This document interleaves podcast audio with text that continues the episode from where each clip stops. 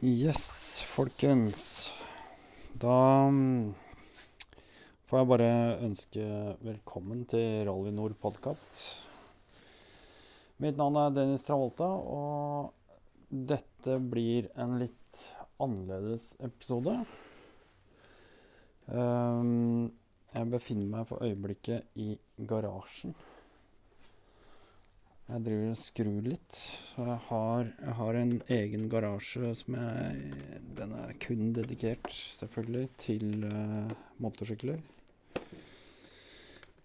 Uh, det burde nesten vært en uh, mannsrett å ha en sånn garasje. Men det er ikke en selvfølge. Det som uansett jeg tenker at jeg har lyst til i denne episoden her, det er å gjøre noe som, som enkelte har spurt meg om jeg kommer til å gjøre, og det er å rett og slett uh, kjøre noen monologer hvor jeg bare prater. Og det har jeg for så vidt sagt at jeg kommer til å gjøre, men uh, Men kanskje under litt andre omstendigheter i utgangspunktet, da. Så dette her er egentlig en podkast hvor jeg tenker jeg skal oppklare litt. Gjøre litt uh, Snakke litt om mine egne tanker rundt motorsykkel. Kjøre motorsykkel. Skru motorsykkel. Miljø. Hva er Rally Nord? For all del. Det er kanskje et spørsmål som er ganske greit å kunne måtte besvare. Skal vi begynne med det? Ja. Jeg tok lappen en gang tidlig i 2000-tall. Kjøpte meg en uh, og, og, og, da hadde jeg vel egentlig hatt to hjul i uh, Ja, det lå vel under der i lang, lang tid. Jeg uh, starta egentlig med å drive og tjuvlåne mopeden til mutter'n da jeg var ti år en eh, Hva var det for noe? Det var en Vespa Piaggio, sånn trådmeier. Og den pleide jeg å få noen kompiser til å hjelpe meg med, og så få start på. For jeg var jo ganske liten av vekst. Og kom meg opp på setet, og da var det egentlig bare å holde gassen i shorts og T-skjorte rett inn i lysløypa. Eh, bodde den gangen på Hauketo. Og kjørte rundt da med en trådmeier Piaggio med sidevesker. Sånne svære sånn skinnkofferter lignende saker. Inn i lysløypa, rundt inne i borettslaget. Det var tett med folk som bodde der. Eh, inne på tunet der eh, med unger og jeg, jeg, jeg fatter ikke den tiden. Dette var jo i 85. At ikke at det ikke var noen ansvarlige voksne som på en måte tok sa ifra. Det må jo ha vært folk som så det, mener jeg. Men uansett eh, Litt sånn eh, Nå skal ikke jeg være sånn ja, synd på meg, men eh, jeg hadde ikke noe annet enn mutter'n eh, når jeg kom opp i tenåra. Men motorsykkel var interessant. Jeg husker jeg drev og kjøpte meg en sånn KX 125 crosser og greier uten tank. Og jeg hadde jo ikke peiling på skru. Jeg hadde ikke noe sted å skru. Men det var liksom lidenskapen, bare det å ha det. Den gikk jo aldri. Men det var liksom bare Det var det som var dritkult. Og så ble det mopedlappen da, og alle de tinga man gjør når man har moped og, og sånne ting.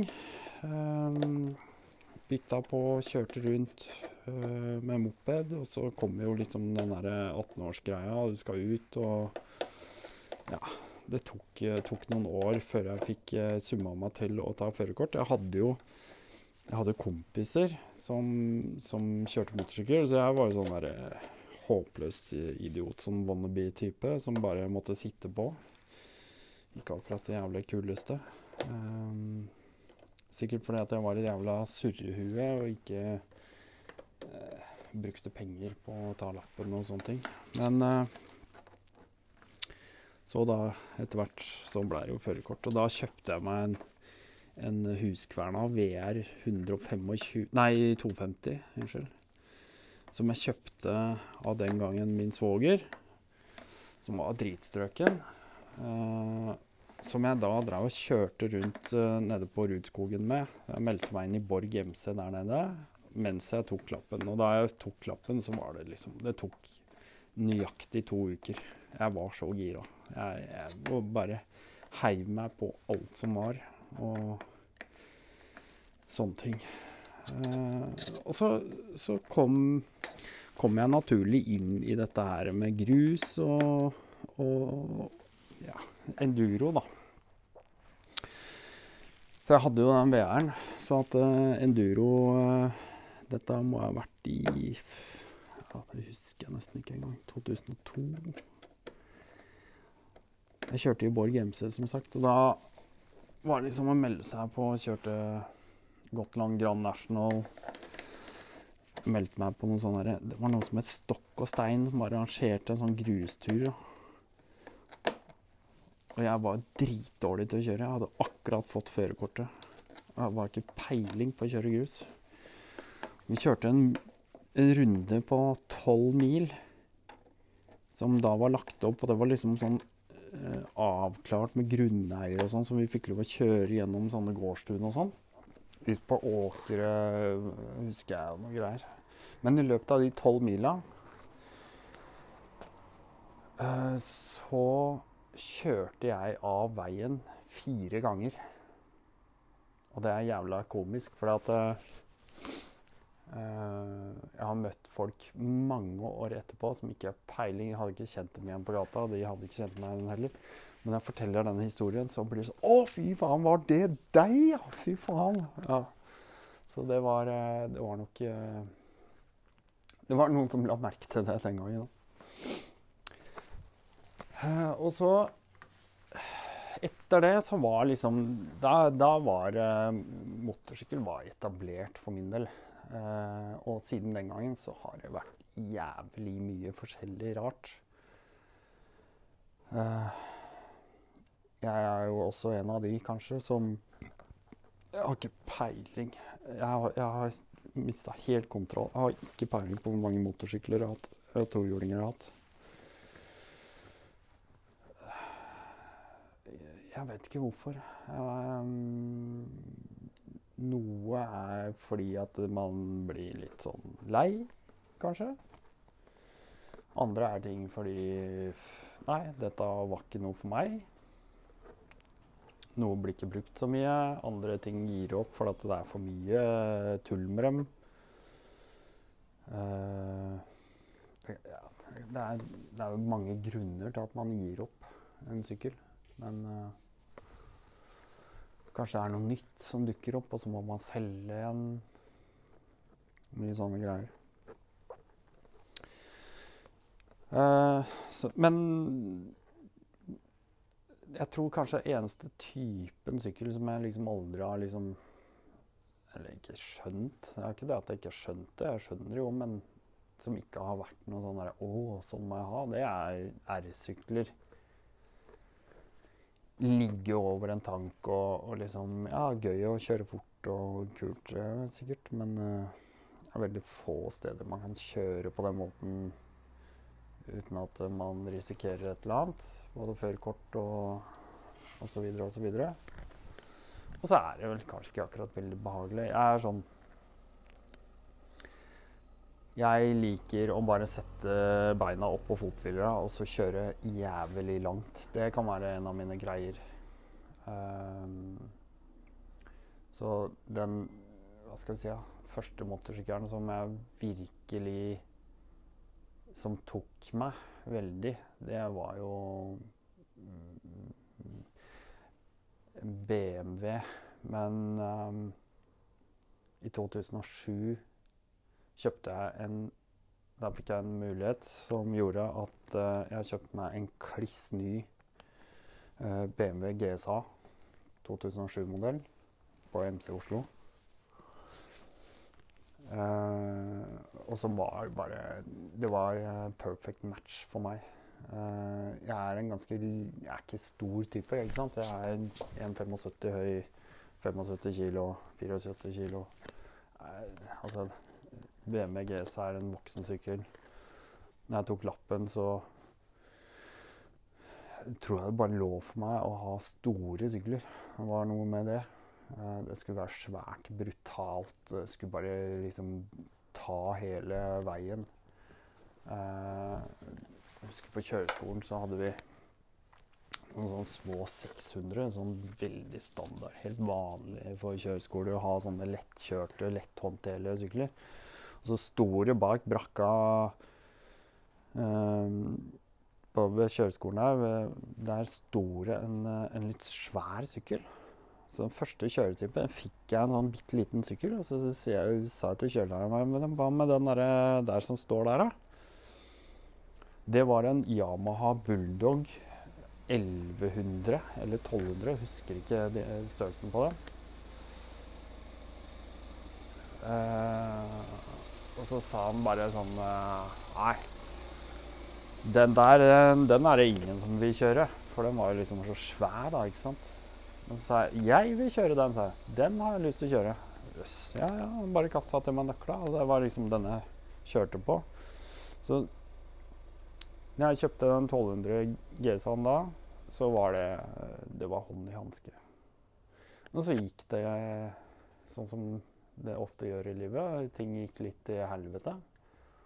Så jeg var nødt til å selge den. Og etter det så så gikk jeg og kjøpte meg fikk jeg tak i en uh, eh, GS Paris Dakar. En 94-modell eller noe sånt. Som var jævlig fin. Strøken. Fin sykkel. Og det, det blei min neste store kjærlighet, ass. Den var helt suveren. Jeg kjørte jævlig mye med den. Uh, var jo en del skruing, men mye oppgradering. Du vet, disse her gamle BMW-ene, det er jo lagd alt mulig rart. Så jeg lærte mye uh, av det, det jeg ikke visste noe om før. Det var liksom å skru motorsykkel, det å skru motor Sånn type ting. Jeg hadde jo gjort noe før, når jeg tenker meg om. Jeg hadde ja, en annen side av historien. Um, men det blei liksom den ultimate. Hadde med kona på tur eh, nedover i Europa. Vi hadde 200 liters pakkekapasitet. Bare banka nedover. Altså, jeg dro til uh, Romania. Kjørte rundt med gutta med lette motorsykler og, og, sånne ting. Og kom meg fram, stort sett. Jævla fint. Og så går åra. Um, motorsykler kommer og går. Uh, siste BMW-en jeg hadde, var en uh, 1150 GSA med en ledda sidevogn. Uh, en superkul sykkel. Altså jævlig kul. Um, men og jeg kjøpte den ikke bare fordi den var kul, men også fordi at uh, kona hadde en del problemer med å sitte på i, over lengre tid da, bak på en vanlig sykkel. Så det var greit for hun å sitte i sidevogn, tenkte jeg. Men så ville det seg ikke helt. Um, den sidevogna var avtakbar, da, men uh, det betyr også at jeg hadde en svær sånn hjelperamme under. Noe som gjorde at bakkeklaringa blei jo dertil dårlig. Så var det liksom ikke noe særlig å gruse rundt med heller. ikke sant? Jeg hadde vanlig gatedekk på og sånne ting. Så mye fram og tilbake. Jeg hadde prøvd å bytte sete, for jeg syntes sittestillinga var litt dårlig. Jeg blei litt sliten av å sitte på den. Den var liksom ikke sånn ergonomisk god til meg, så jeg liksom bytta ut den. Solgte den i 2018. Og så tenkte jeg at uh, nå, nå, skal jeg bare vente til 2019, og så skal jeg meg, skal jeg kjøpe meg en sykkel som bare er til meg. Og da skulle jeg ikke tenke på noen andre enn bare meg. Da var det liksom ingen som skulle sitte på ingenting. Men Men, men, men. Og da drev jeg og så meg etter helt andre ting. For jeg er skrudd sammen på den måten at jeg hater å gjøre det alle andre gjør. Det er det verste jeg veit. Altså, med mindre noe er totalt overbevisende, og jeg innser at det her er eneste beste og ja, greieste utvei, så går jeg som regel dit alle andre går òg. Men ellers vil jeg gjerne finne ut av alt mulig sjæl. Så jeg i 2018, etter å ha solgt BMW-en, bestemte jeg meg for å skulle kjøpe meg en 250. Eh, en Honda CRF 250.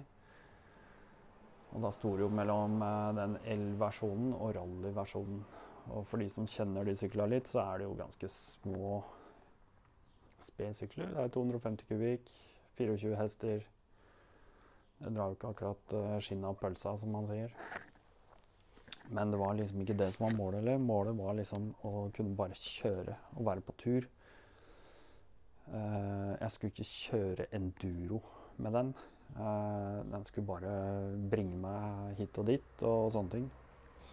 Tilfeldighetene ville det dit hen da, at det dukka opp et uh, altfor godt tilbud til at jeg klarte å si nei. Så allerede da, sein høsten 2018, så kjøpte jeg meg en, en CRF 250 Rally. Som jeg da selvfølgelig brukte hele vinteren på å gå i detalj og, og, og, gjøre til mitt eget. Bygde om den ganske mye med alle mulige typer modifikasjoner. Og med min GS Adventure i blodet, uh, med store sykler, svære tanker, drøy rekkevidde, ikke det at du har bruk for det i Norge, men det er bare noe med følelsen av den friheten det gir. Uh, det å være uavhengig av noe. Det å liksom ikke må nødvendigvis planlegge bensinfyllinger. Det å stå ved et veiskille som du enten må ta til venstre for å fylle bensin, eller bare svinge av til høyre og kjøre rett inn i det ukjente. Det er noe med den Det er noe av adventuren for meg, på en måte. Det er liksom den greia. Det er vanskelig å sette fingeren på. Uh, så jeg bygde om den CRF-en med ekstra camel tank og masse greier. Der har jeg lagt ut Jeg har en YouTube-kanal. Fordi den vinteren, da, 18 til 19, det var da Rally Nord egentlig starta. Og det var egentlig en greie med den CRF-en eh, som gjorde det. Jeg, eh, dette var jo ganske eh, relativt nytt, eh, den rallyutgaven. Det var ikke så veldig mye informasjon. Det begynte å komme jævlig mye deler og det var ikke så mye greier på YouTube, og sånn, så jeg begynte å lage veldig enkle videoer av alt jeg gjorde i garasjen med den. Og det er klart at da må du ha et navn. Da, da må du kalle den der kanalen noe. Og så blir det jo en Instagram-konto, selvfølgelig. Og siden jeg kjørte rally, så blei det rally.nord. Og det syns jeg var veldig fint. Og for meg når jeg starter noen sånne prosjekter, så, så er det all in. Det er liksom bare øh, jeg, jeg, kan være søvnløse netter. Altså. Det kan være ting jeg bare våkner etter et par timer. Jeg har akkurat lagt meg, våkner etter to timer på en onsdag, skal på jobb, men fy faen, jeg får ikke dette ut av huet. Jeg bare ligger og vrir meg, eller så må jeg bare stå opp. Det kan være en fordel og en bakdel med det. Fordi uh, Bakdelen er jo selvfølgelig at når du ikke sover nok, så blir du jo grisesliten utover dagen. Så det slår jo Det ene slår jo det andre i hjel. Men så er huet mitt skrudd sammen sånn at det er fryktelig kreativt. Det er sånn Jeg står her i garasjen nå, f.eks Så har jeg fått tak i et brukt Tusk-rack som jeg tenkte Som jeg fikk såpass billig at jeg ikke klarte å si nei. Men det var ikke det racket jeg skulle ha. fordi at det racket jeg skulle ha, det skulle være fem, ja, tre centimeter lenger framover pga. tyngde- og vektfordeling. Altså, jeg er på det nivået der. Så når jeg tenker, så er det ingenting Det er ingenting som ikke skal være helt gjennomtenkt. Det er ikke dermed sagt at alt blir perfekt, for det blir jo sjelden. Men det skal i hvert fall være nøye overveid da, fra min side. Før jeg gir meg i kast med noe som helst. Så Rally Nord starta altså da i garasjen. Ikke fordi at jeg har noen ting med rally å gjøre. Ikke fordi at uh, jeg er så jævlig god på å kjøre motorsykkel. Ikke noe Ikke noen ting. Men jeg har en vanvittig interesse for motorsykkel. Jeg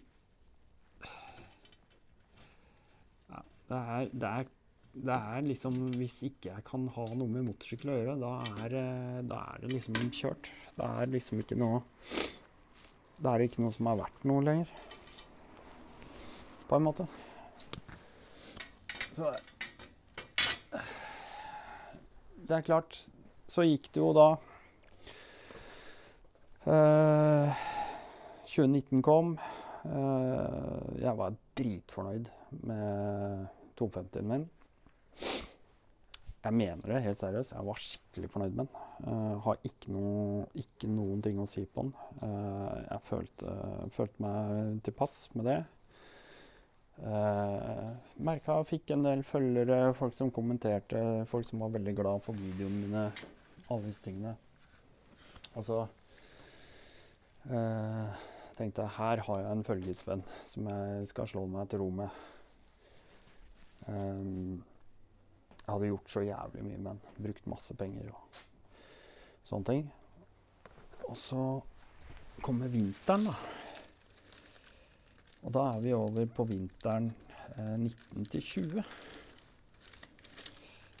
Eh, og da Plutselig, tidlig i 2020, så dukker det opp noen sånne små hint. Da kommer en Huskverna 701 long range. Fy faen, tenkte jeg. Er det mulig? For meg da så var det det råeste jeg hadde sett. Jeg syns det var helt konge. Jeg syns det var helt konge. Endelig, i mitt hode, så er det faen meg noen som har bygd noe eh, fabrikksnytt. Som bare er bygd akkurat sånn som jeg vil at det skal være. Det er en long range. Det er, eh, det er et GS Adventure-gen i en 690-klon. Og jeg har hatt to 690 tidligere. Som jeg har vært veldig fornøyd med. Den første kjøpte jeg vel i 2011, og så kjøpte jeg en eh, litt, noen år seinere også. Og har hatt noen opplevelser med de som, eh, som har vært helt, helt konge. Jeg var i Ukraina, f.eks. Kjørte sykkelen min ned der i 2011 eller 2012, kanskje det var. 2012. Så klarer vi altså i løpet av noen elvekryssinger så klarer jeg å velte den sykkelen i en sånn svær, stri elv. Og får jo da selvfølgelig en fullstendig våtelokk. Det eneste som stikker opp, det er uh, venstre styreholke. Det er så vidt jeg ser den opp av vannskorpa. Og jeg står jo da Skal vi si Den faller fra meg, da, på en måte. Den faller ikke mot meg, så den faller fra meg. Da klarer du jo ikke å holde igjen den sykkelen når den først begynner å ramle. I, I strømmens retning, selvfølgelig. I vannstrømmens retning. Så det var helt umulig. Men med hjelp fra gutta vi var, jeg kjørte sammen, så snudde vi den på huet. Tømte ut Altså, det var vann helt opp til luftfilteret inni luftfilterboksen. Det var helt, helt sjokkfullt av vann. Alt. Motor, eksos Alt. Tømte den på huet, fikk ut vann. Bare nappa ut plugger. Dro ut eh, Tok ut olje, filtre, alt sammen. Dro på starteren. og Den dro på starteren, og bare vannet bare banka ut i alle retninger. Noen av gutta bare henta, fikk tak i noe ny olje. Har ikke peiling på hva det var. Uh, rista ut det vi klarte av vann. Ett lite oljeskift. Starta på andre forsøk. Og det bare fresa rundt hele sykkelen. Tok luftfilteret. Sto der og tørka luftfilteret på eksosvarmen. Det bare, det bare dampa ut. Det så ut som en sånn trykkoker som bare Det var tørt i løpet av fem minutter, det luftfilteret. Ut med den der olja som var grå og jævlig. Inn med nytt. Smakka inn luftfilteret. Fortsatte hele turen i uh, Ukraina. Så kom vi, skal vi kjøre helt hjem etter den turen fra Ukraina og kjørte opp gjennom Sverige. Så kom vi vel til rundt Trollhettan. Da begynte det å komme noen fus fuskeslag. Og det blei litt verre og verre på vei hjem. Og det var liksom så vidt det dro. Jeg bodde den gangen på Langhus og kom forbi øh, ved Tusenfryd. Da var jeg nesten usikker på om jeg skulle komme hjem. Så dro motoren da, klarte jeg å få den helt fram, rett foran garasjeporten. Da, da døde den. Det var akkurat som en sånn derre sånn der, Tenk deg en sånn westernfilm hvor du bare har en hest som bare du har vært så god med, og som har så fortrolighet, og som er liksom den, liksom, den bare stirrer deg i øynene mens liksom livet svinner hen. Den følelsen fikk jeg da. Det var helt, Jeg får helt sånn gåsehud bare jeg tenker på det. Og så dro jeg ned på spinning wheel så sa jeg, her er det noe rart. Og så sjekka de. Ja, ja, det, det var bare en sånn tenningssensor. Så det var bare en sånn quick fix. Og så gikk den som bare rakkeren igjen. Det var aldri noe tull. Etter det så kan jeg sverge til at for meg så er de LC4-motorene helt sinnssyke.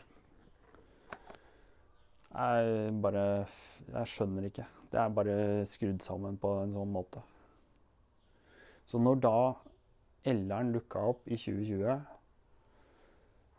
med den motoren med den tanken, og mange hater det, eh, selvfølgelig. Det er mange som ikke syns dette er fint, det er helt greit. Det legger jeg meg ikke noe opp i. For meg så er det innertier. Jeg eh, liker ikke nødvendigvis det alle andre liker, så sånn er jeg. Eh, så da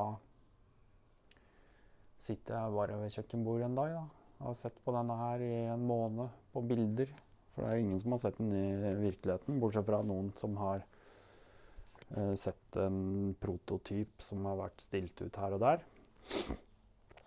Sitter jeg ved frokostbordet en dag, en lørdag formiddag. Litt seint. Litt sein frokost. Sitter jeg med kjerringa. Guttungen ligger og sover.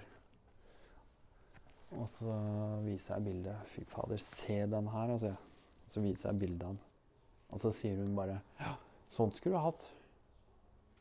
Ja, sa jeg. Sånn skulle jeg hatt. Og da var klokka kvart over tolv. Og eh, Og så eh, Snellingen stenger jo da klokka ett.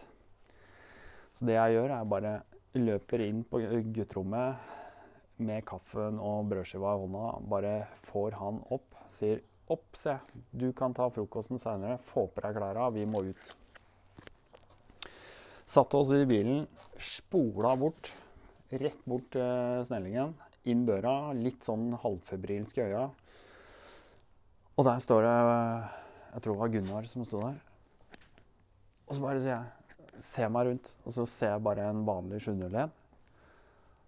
Og så peker jeg på den, og så sier jeg Du, hvor er den der storebror, da? Hvor er, han der, hvor er den long rangen?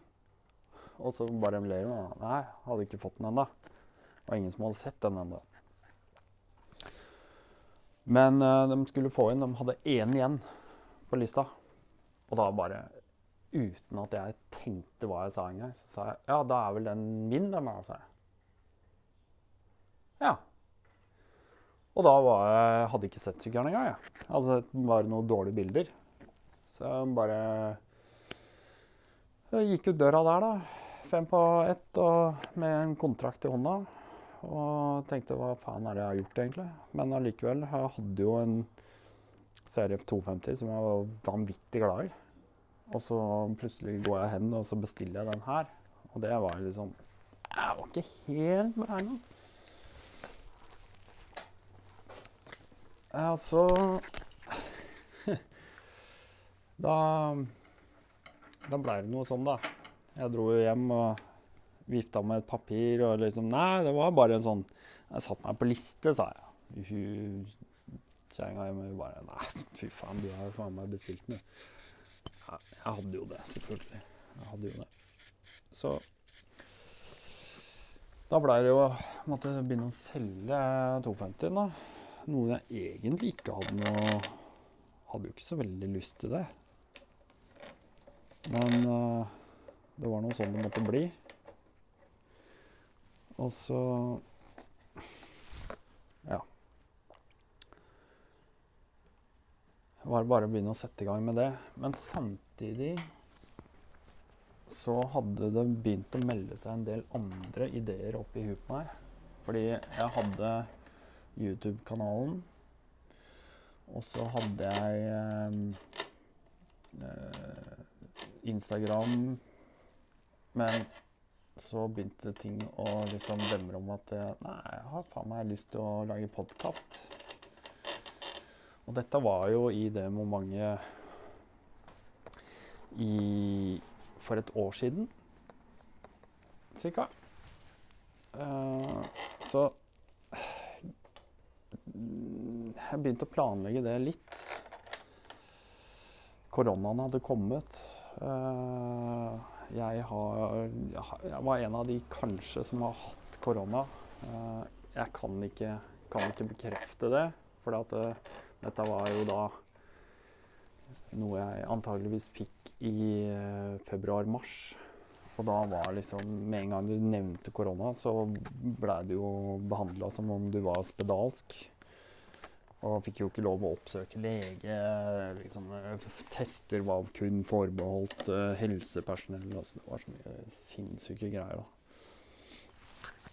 Og så Ja, hvor var jeg med det?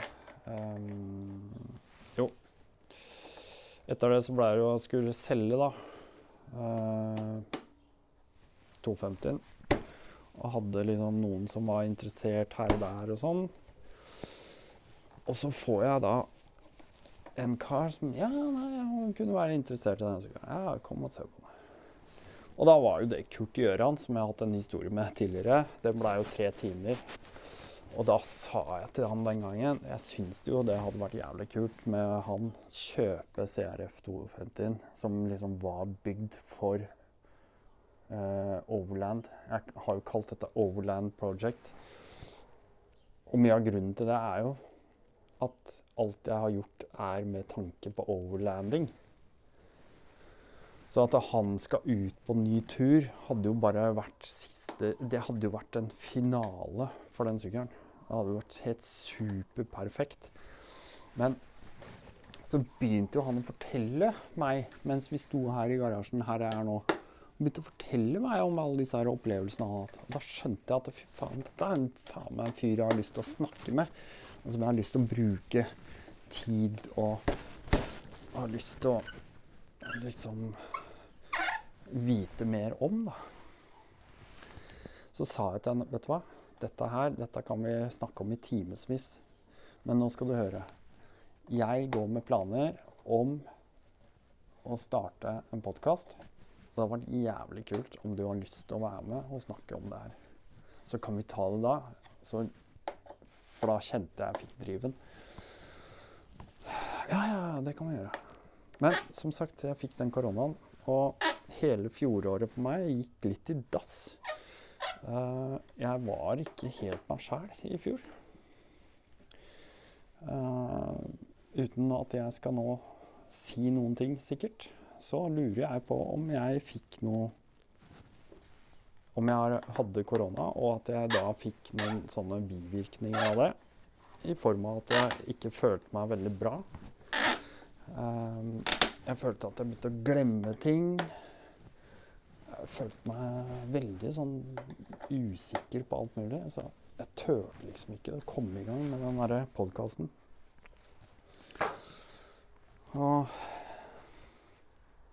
resultatet av det blei jo at jeg gjorde jo ikke noe ut av det før i år. Og drev og jobba med dette her eh, tidligere i år. Begynte vel sånn i februar Nei, i, i januar, mener jeg. Da begynte det å gå en faen meg. Så tenkte jeg nei, nå eller aldri. Nå skal jeg lage podkast. Dette her er en idé som jeg har båret på lenge. Nå må jeg iverksette. Og tenkte at her, her, er, her er jeg på øh, noe som ingen har gjort før. I hvert fall ikke her i landet, da. Og så kom masse problemer, for jeg er jo ikke sånn kjempedatateknisk. Jeg har ikke noe greie på ting. Så jeg må jo ha hjelp til alt mulig rart. Lage bilder altså Det er, det er mye, mye, kødd for å liksom starte en podkast når du ikke har gjort det før.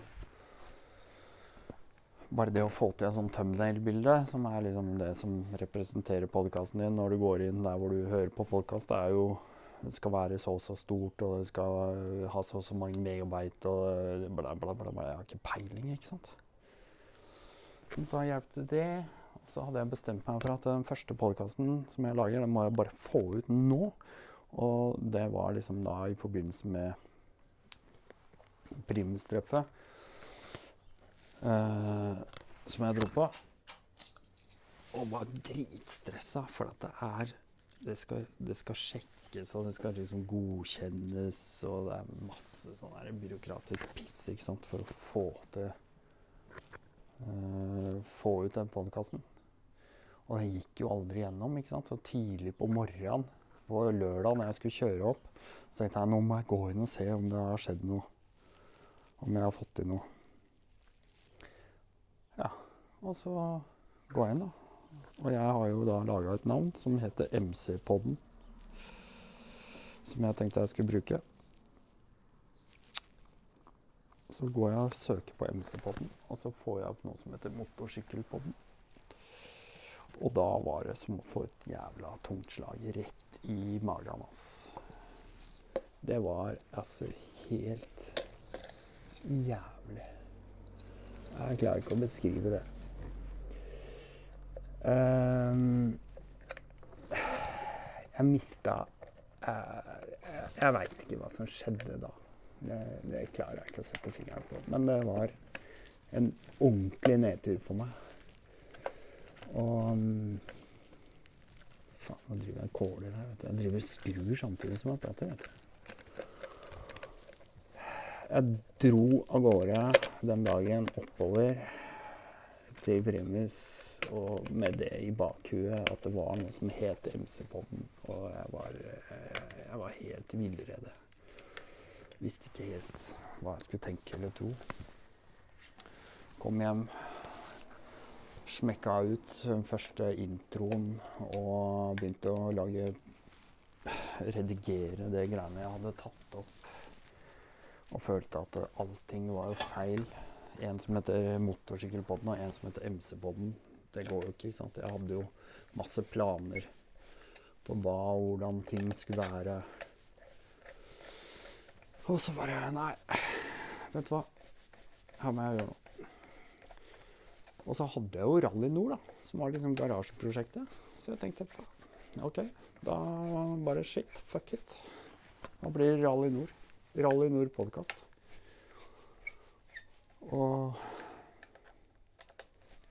det fikk, ja, fikk gått et par dager, så bare Ja.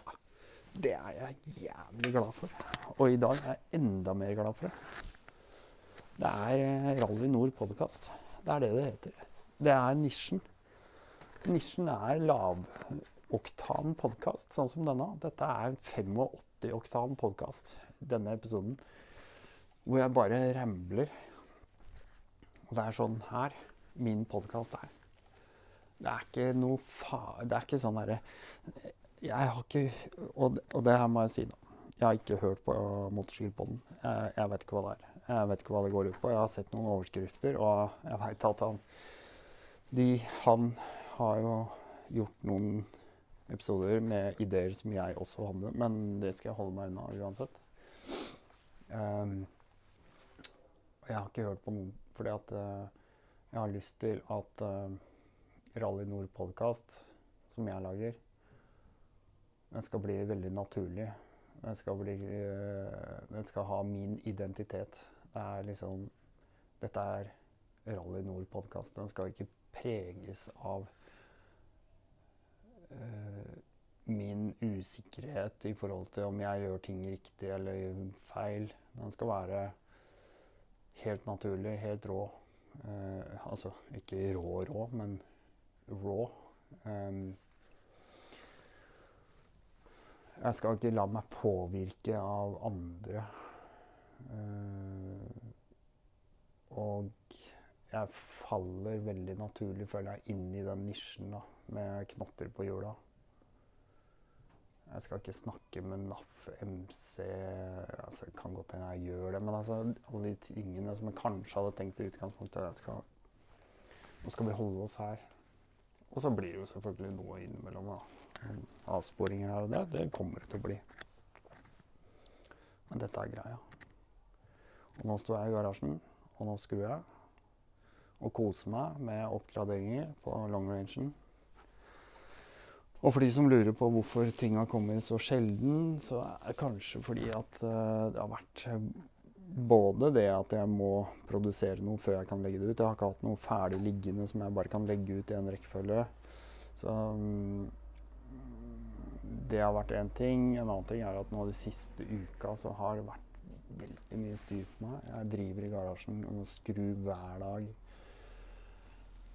Og jeg har klart å kjøpe meg en Guilty Pleasure-motorsykkel. Som jeg rodde i havnen her i går. Det har vært en seanse, bare det. Jeg var og så på den for en uke siden. Det, det, er langt unna knotter på hjula, men det er i hvert fall uansett en motorsykkel og en 72-modell Moto Guzzi 850 GT. Og som jeg eh, Jeg har aldri vært en Guzzi-dude. Jeg har jo vært en BMW-dude. Men BMW for meg har liksom mista det litt. Fordi at uh, når du går på Finn nå og ser på de prisene, og hva folk forlanger, og hva folk gir for de greiene her, så er det helt natta. Det har gått helt av konseptene, liksom. Uh, det er klart etterspørsel, marked, alt dette her. Uh, alt det. Jeg skjønner jo det. Men jeg, jeg er litt usikker på Det mister litt sjarm og Jeg vet ikke. Så nå har jeg gått en helt annen vei. Jeg har gått på Gussi. Jeg har aldri hatt en italiensk motorsykkel. Jeg har i hvert fall ikke en Jeg hadde vel aldri sett for meg at jeg skulle kjøpe meg en så gammel sykkel heller. Men så er det jo noe med det, da når du har noe høyteknologisk med ABS og kurver og bla, bla, bla og mappings og alt mulig dritt, så, så er det jævla gøy å bare ha noe svært gammelt med kubikk som bare er mekanisk, og som er bare helt rått mekanisk. Ikke noe hiklemikk, ikke noe bullshit. Så her er vi nå. Det blir, uh, blir Guzzi, og det er jo sånn til koseturer og bare Skal jeg dra på noen enkle små treff og bare slå opp teltet og sitte og drikke øl og tjafs, og så er det gøy, ikke sant. Sånn er det jo. Guilty pleasures. Um, det kommer ikke til å overta Det kommer ikke til å overta noe offroad-segment for min del. Det gjør det i hvert fall ikke. Men uh, nesten like gammel som meg. Jeg er litt yngre. Og da er det litt gøy å bare se hvordan alderen eh, preger motorsykler, og man blir på en måte gamle sammen. Uh, noe med det. Det er noe med det. Dere som vet, dere vet. Vel Kort oppsummert, det er uh, Rally Nord. Um, jeg har kalt uh, Overland Project. Det er i høyeste grad et prosjekt. Om jeg noen gang kommer meg overland, det får tiden, noen ganger, ja, det får tiden vise. Men uh, i hvert fall så har jeg fått veldig mange hyggelige tilbakemeldinger som jeg setter stor pris på. Det betyr at det er noen der ute som hører, og som syns at det er gøy. Vi har lurt på om det kommer mer. Ja, det kommer mer. Og jeg syns at uh, Ja. Jeg syns det er hyggelig å holde på med. Uh, ting tar tid. da, når jeg, Hvis jeg lager en episode som tar uh, en time med en eller annen, en eller annen fyr eller et eller annet noen som har noe på hjertet, så hvis episoden er én time, så har jeg garantert brukt mye mer tid enn det. Fire-fem timer, kanskje.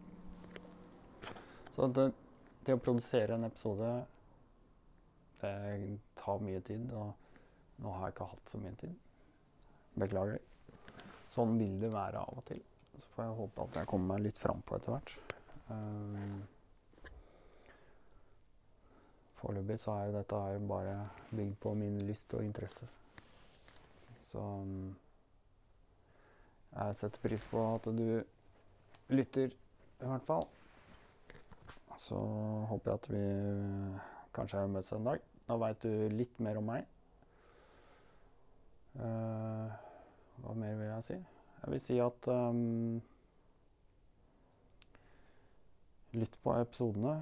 Uh, min mening er noe min mening, men den skal ikke påvirke andre, og ikke ønsker jeg det på noen måte. Jeg er ikke noen bedreviter.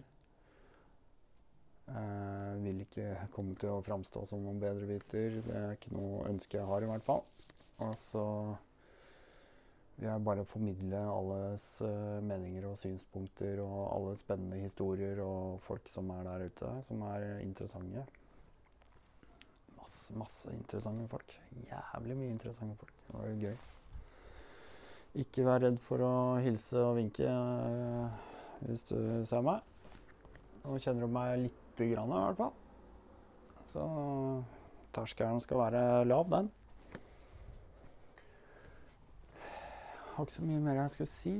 Um, bortsett fra at jeg fortsatt syns det hadde vært veldig hyggelig hvis du ønsker å støtte podkasten med Patron. Uh, det er klart jeg kan bruke pengene mine på andre ting enn å lage podkast. Så hvis du er hypp på å høre mer podkast, så hadde det vært uh, veldig prisgitt om du også støtta økonomisk. For det er en kostnad. Det er, må abonnere på masse, masse ting. Ja, det koster å laste opp episoder. Det koster å drifte sider.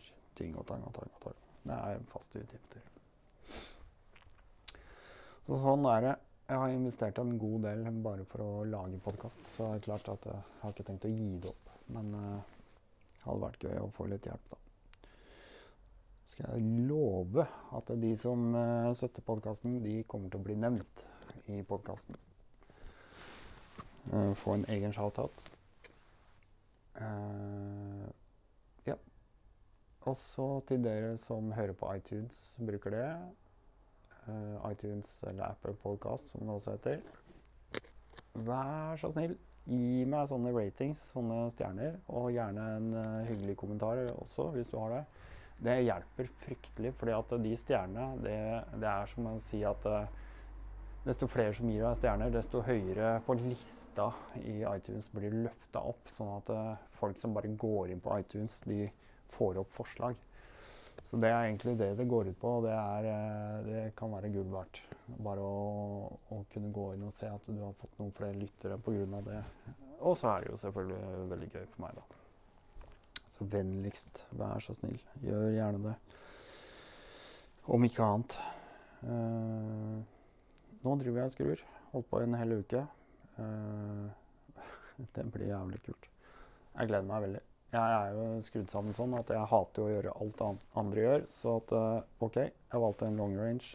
Andre ville gått for en et sånt rallykit. Rallytower med ekstra tanker og sånt noe. Det syns jeg også er fint, men det var ikke for meg.